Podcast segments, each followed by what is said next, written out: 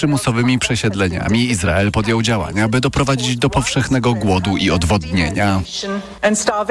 Izraelczycy bronią się, że trwająca od ponad trzech miesięcy kampania wymierzona jest w terrorystów z Hamasu, którzy stanowią dla nich zagrożenie, a nie w Palestyńczyków. Przedstawiciel Izraela przed Trybunałem argumentował, że operacja nie ma na celu zniszczenia narodu w całości lub części, a to jest kluczowym elementem ludobójstwa. Tomasz Rchowski, TOK FM. Nawet jeśli Trybunał nakaże Izraelowi wstrzymać działania wojenne, to nie ma jak przymusić władz w Tel Awiwie do wykonania swojej decyzji.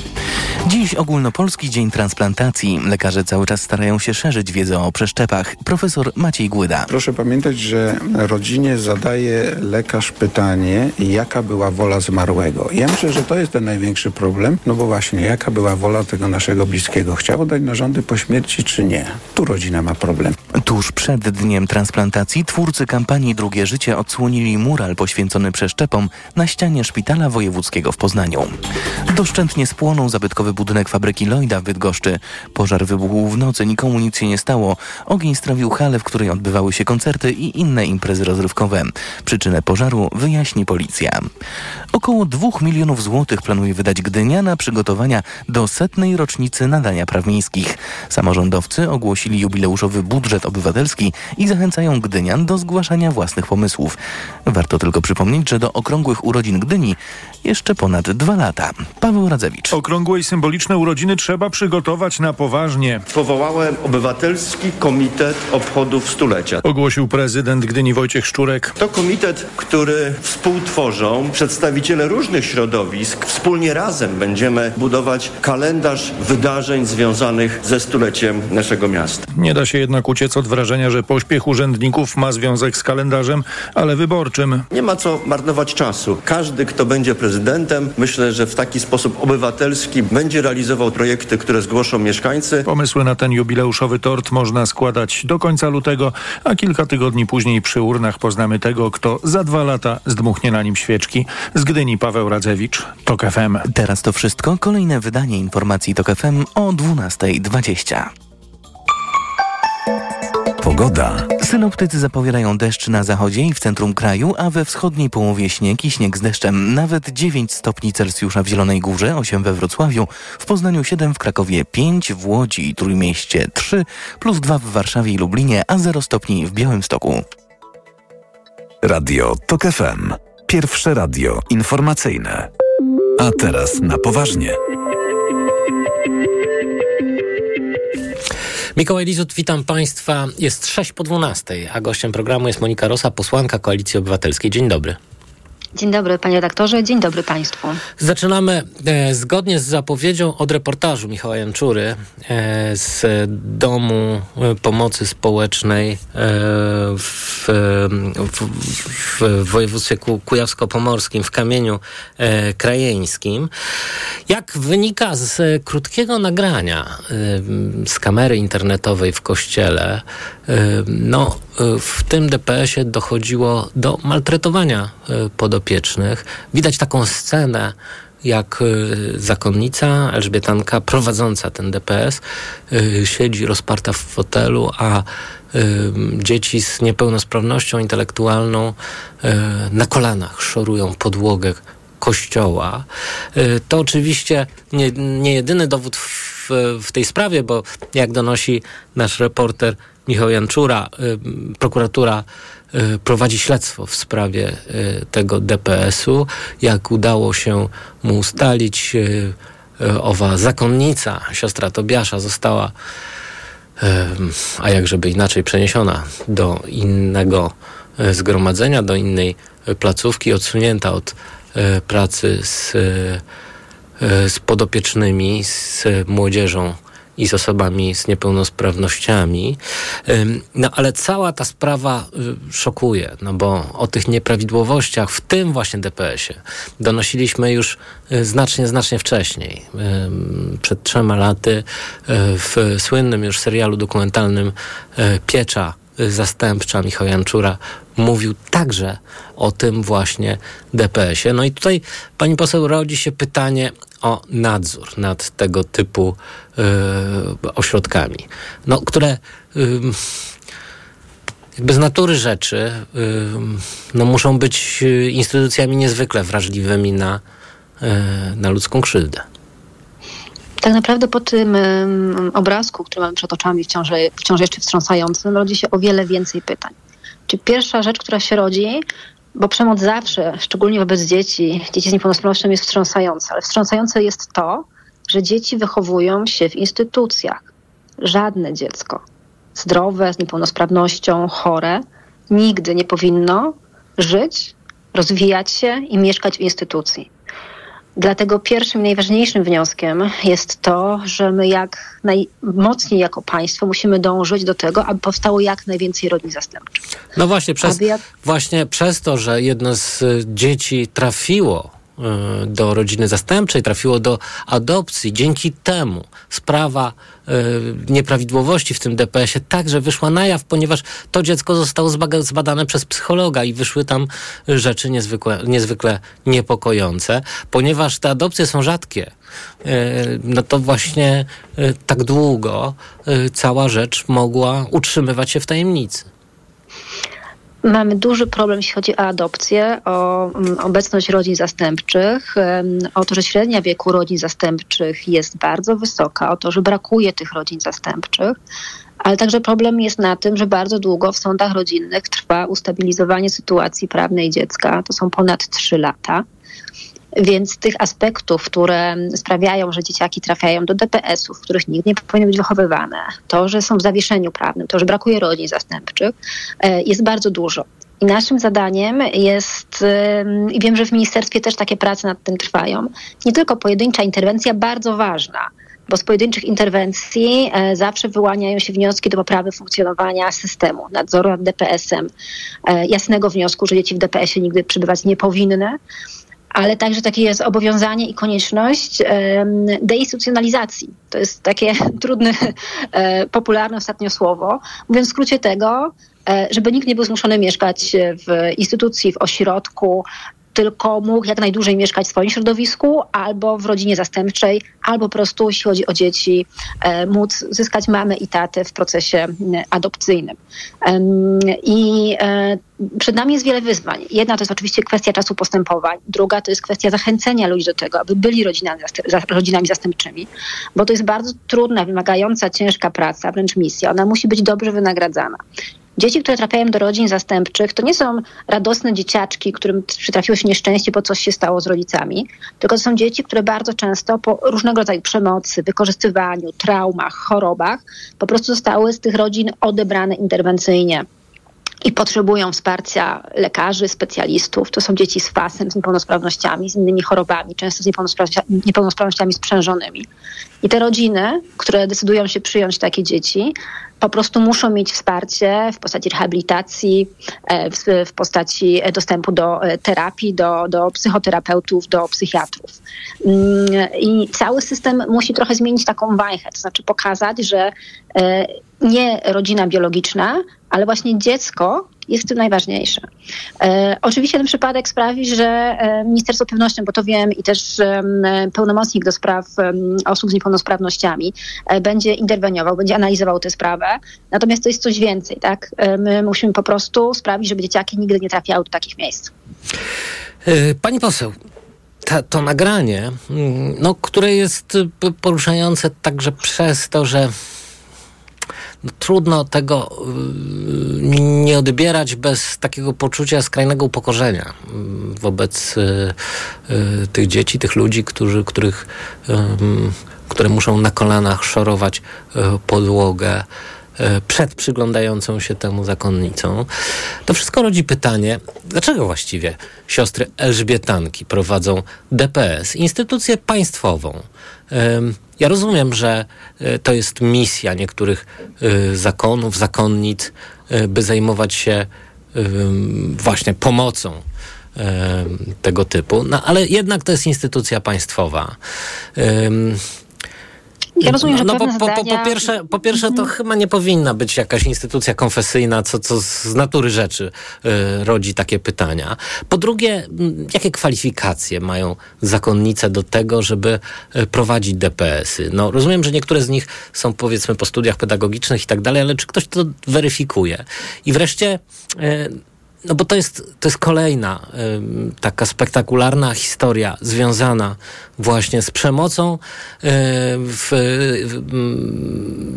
y, przy gdzie, gdzie, gdzie zakony prowadzą y, domy opieki społecznej, czy, y, czy na przykład y, domy dziecka.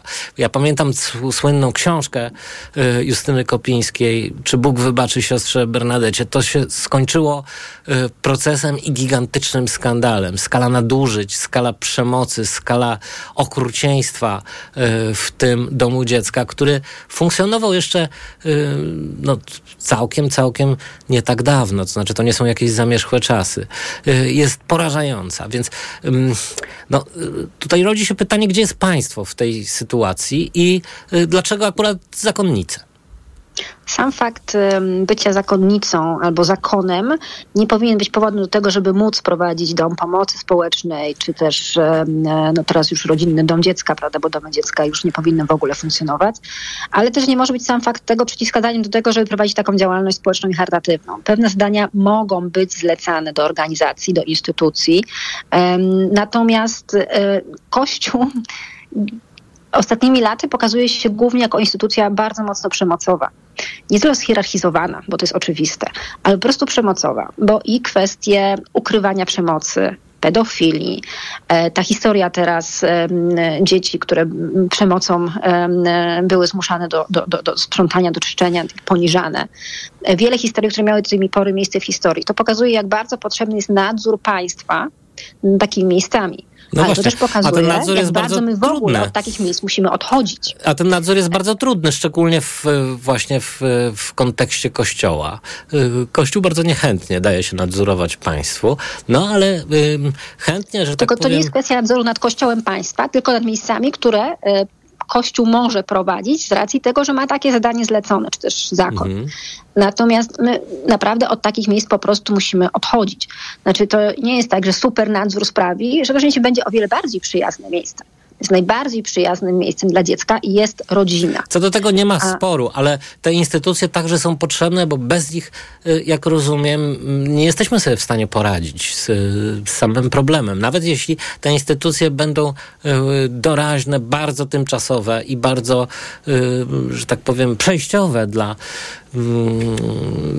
tych wszystkich dzieci i młodych ludzi, którzy potrzebują pomocy, no to jednak to jest pewien obowiązek państwa, żeby, żeby o te instytucje dbać i je nadzorować, prawda? To jest obowiązek państwa, jest obowiązek samorządu, organów kontroli i sam fakt bycia kościołem nie zwalnia e, państwa z tego nadzoru, wręcz przeciwnie.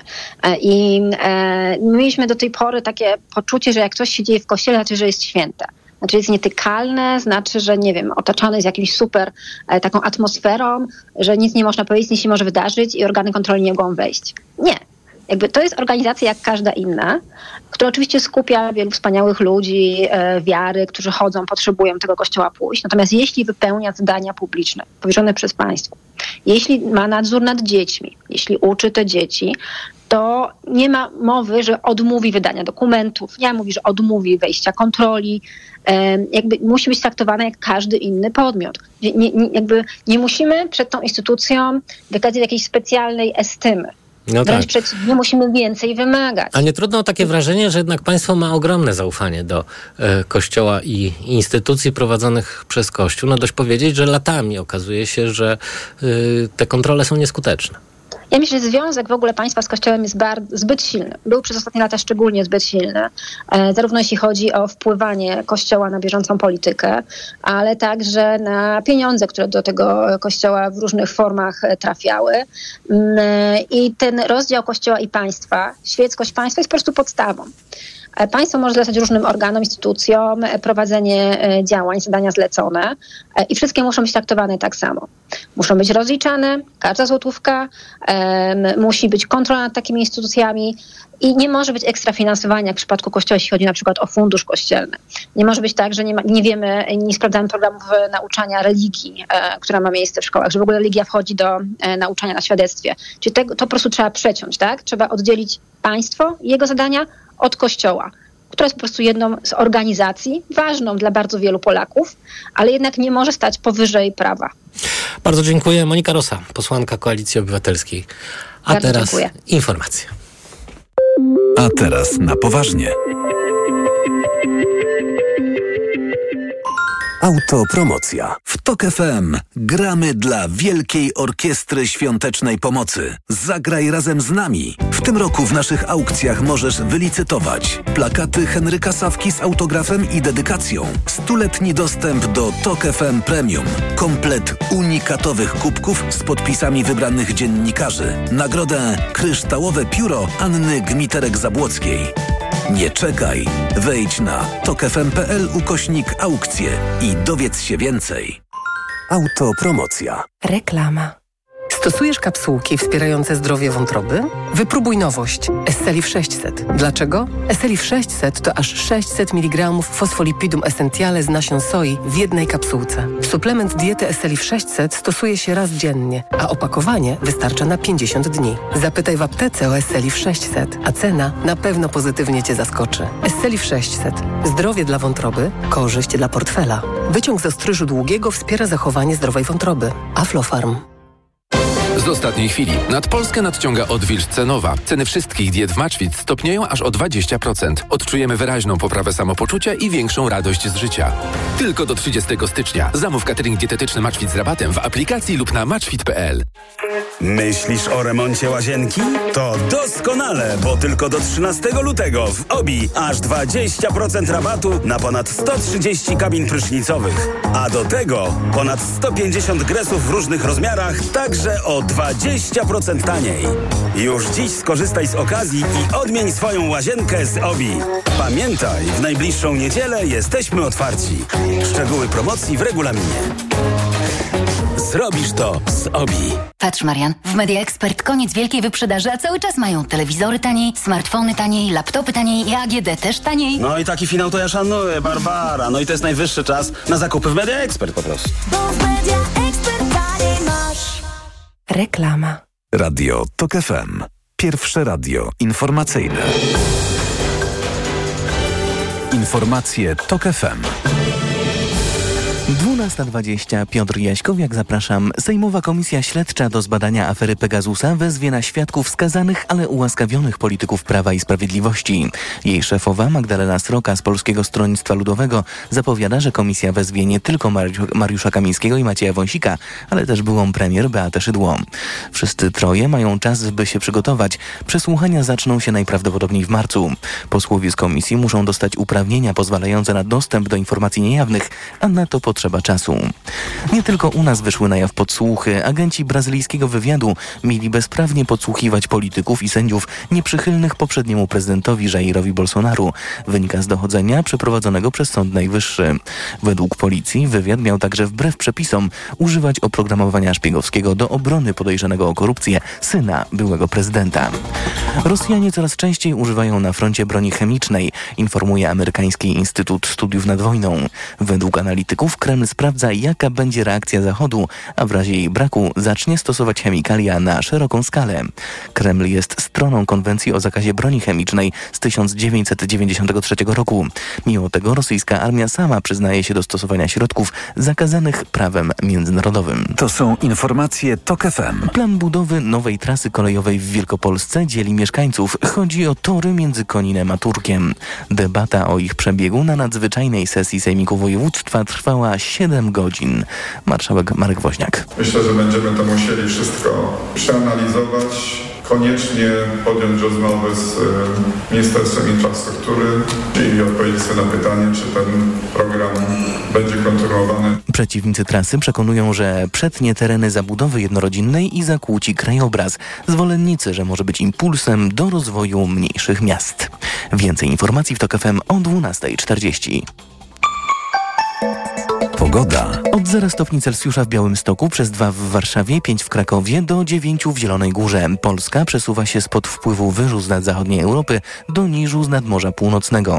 We wschodniej połowie kraju śnieg albo śnieg z deszczem, na zachodzie i w centrum deszcz. Będzie mocno wiało, w porywach do 75 km na godzinę. Radio TOK FM. Pierwsze radio informacyjne.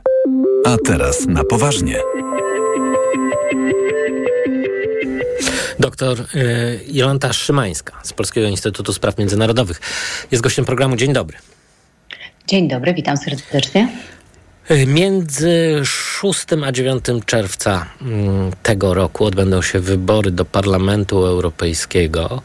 Ym, y, Wybierzemy swoich przedstawicieli do Europarlamentu no, w, takim, w takim dosyć skomplikowanym parytecie na poszczególne y, kraje. Każdy y, członek Unii Europejskiej ma odpowiednią liczbę mandatów y, w Parlamencie Europejskim.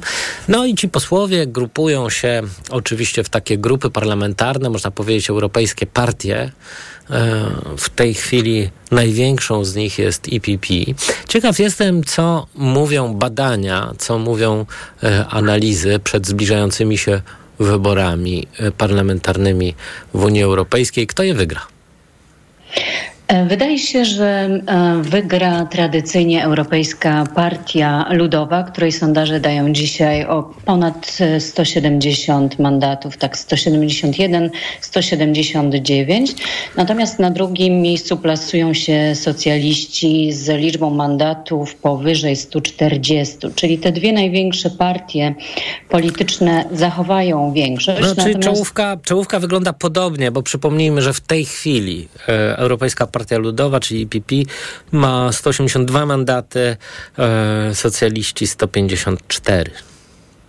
Tak, pewną nowością w sondażach, która y, ostatnio y, wyszła w badaniach, jest trzecie miejsce dla skrajnie prawicowej tożsamości i demokracji, ponieważ ona wysuwa się właśnie na trzecie miejsce z liczbą powyżej 90 mandatów i to trochę zaczyna niepokoić opinię publiczną, zwłaszcza w państwach Europy y, Zachodniej, ponieważ w państwach Europy Zachodniej, w Holandii, w Niemczech, we Włoszech, we Francji te grupy eurosceptyczne zaczynają em, być bardziej widoczne w tej debacie publicznej przed wyborami i na bazie choćby krytyki polityki migracyjnej czy europejskiej polityki klimatycznej zyskują w tych państwach dodatkowe głosy. Natomiast na dzień dzisiejszy możemy powiedzieć, że e, sojusz trzech partii, czyli chadeków, socjalistów i liberałów, zapewnia jednak stabilną większość dla tego mainstreamu europejskiego. W związku z tym nie należy się spodziewać jakiejś wielkiej rewolucji w Parlamencie Europejskim. Natomiast też chciałam zwrócić uwagę, że jeszcze wszystko przed nami, ponieważ jesteśmy w takim e, specyficznym okresie, kiedy właściwie partie pro, e, przedstawiają swoje programy i widać tu zarówno w tych państwach, e, w tych partiach mainstreamowych, choćby właśnie u chadeków, pewne mm, niespójności programowe. To znaczy w przypadku na przykład nie ma zgody między członkami partii, czy chcą poprzeć e, reformę Unii Europejskiej em, dotyczącą e, szerszego zakresu głosowania większością kwalifikowaną, czyli takiego no, fundamentalnego elementu programu. Z kolei e, tożsamość i demokracja, czyli ta skrajna prawica, kłóci się o politykę migracyjną, dlatego że AfD na przykład wychodzi z takimi e, kontrowersyjnymi e, projektami reemigracyjnymi na przykład, e, które bulwersują jednak Marine Le Pen, czyli francuską członkinię tej partii. I tutaj następują takie nieporozumienia, które są dementowane na dzień dzisiejszy, ale które mogą sprawić, że tak naprawdę jeszcze w tym Parlamencie Europejskim dojdzie do przetasowania między partiami politycznymi i pewnych zmian afiliacji.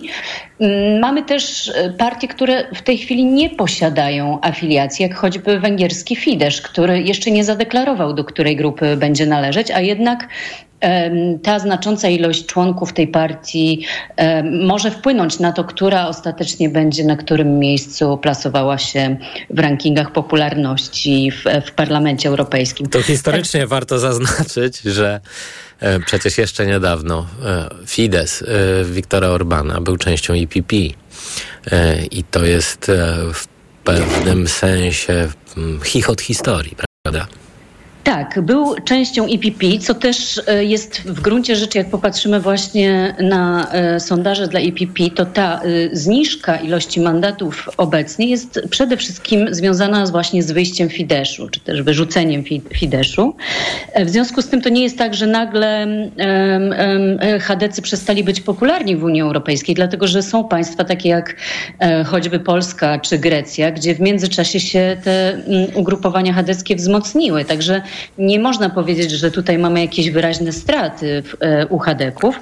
Natomiast właśnie to wyjście Fideszu, ale też na przykład mamy takie partie y, jak Ruch Pięciu Gwiazd włoski, który też pozostaje bez afiliacji i też prawdopodobnie tak. będzie chciał tę afiliację e, znaleźć. No właśnie, pani doktor, porozmawiajmy o mm, e, partii Identity and Democracy, czyli e, no, tej, o której pani wspomniała, e, grupującej eurosceptyków e, w Parlamencie Europejskim. No bo ja rozumiem, że tutaj też eurosceptycy w poszczególnych krajach różnią się diametralnie od siebie.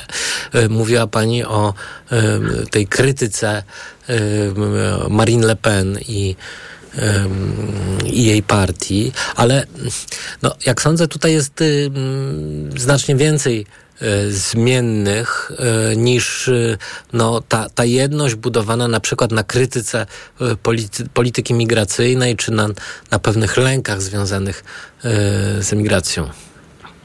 Tak, e, to znaczy na pewno każda partia taka e, silnie narodowa, e, prawicowa ma to do siebie, że no, konkuruje ze sobą, ponieważ te narodowe interesy przeważają nad tymi europejskimi. Tak, jakby z zasady tutaj trudno o jedność, prawda? Tak, zasady trudno o jedność. Jeśli natomiast mówimy właśnie o tym ugrupowaniu, tożsamość i demokracja, to tutaj zdecydowanie mm, należy odnotować, że AfD, czyli ta alternatywa dla Niemiec zyskała e, przez ostatnie lata bardzo mocno, więc jest bardzo silnym rozgrywającym e, w tej grupie i też bardzo radykalnie gra tym argumentem antyimigracyjnym.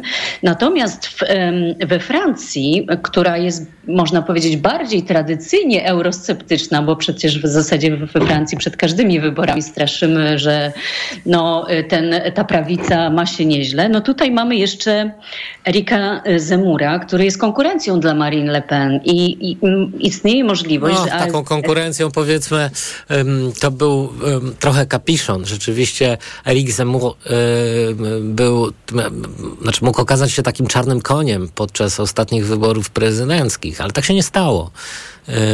To jednak Marine Le Pen zajęła drugie miejsce.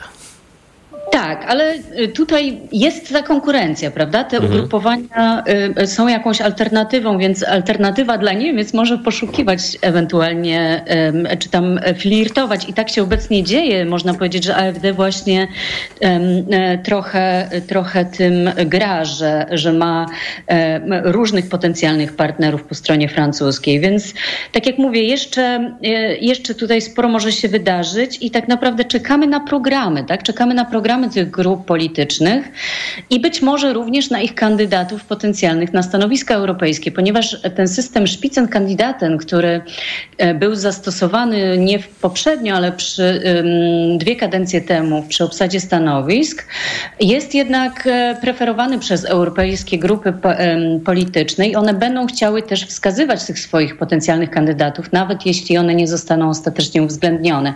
Więc tutaj też partie mogą mieć problem ze wskazaniem swojego jedynego kandydata, bo przecież ambicje będą różne.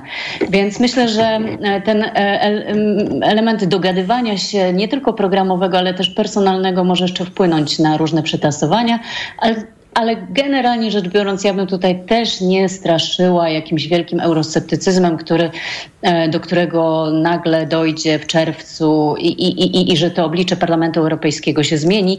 Myślę, że jednak większe ryzyka z wyborami amerykańskimi się w tym roku wiążą niż z wyborami europejskimi.